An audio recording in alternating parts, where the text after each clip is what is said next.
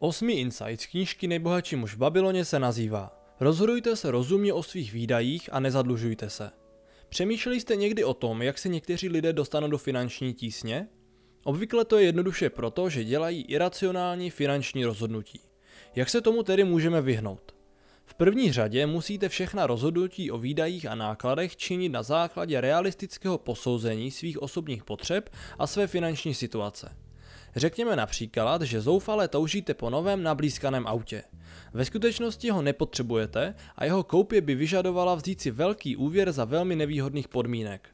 Je jasné, že byste si ho neměli pořizovat, ale řekněme, že si ho přesto pořídíte.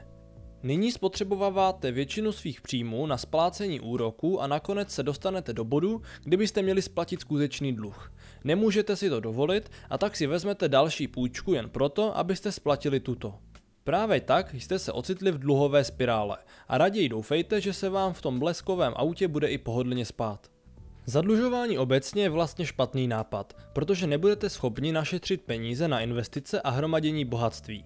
Místo toho budete své příjmy utrácet za splácení dluhu.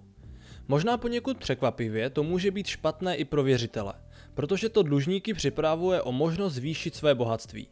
Tím se stávají finančně nestabilními, což může vést k tomu, že dluh zcela nesplatí, což je nejhorší noční můra každého věřitele. Například v nedávné krizi eurozóny bylo Řecko hluboce zadluženo u Evropské centrální banky.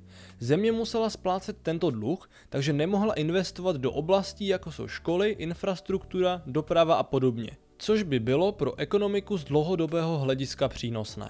Proto může být v některých případech rozumné, aby věřitelé pozastavili splácení dluhu a umožnili tak svým dlužníkům postavit se na vlastní nohy.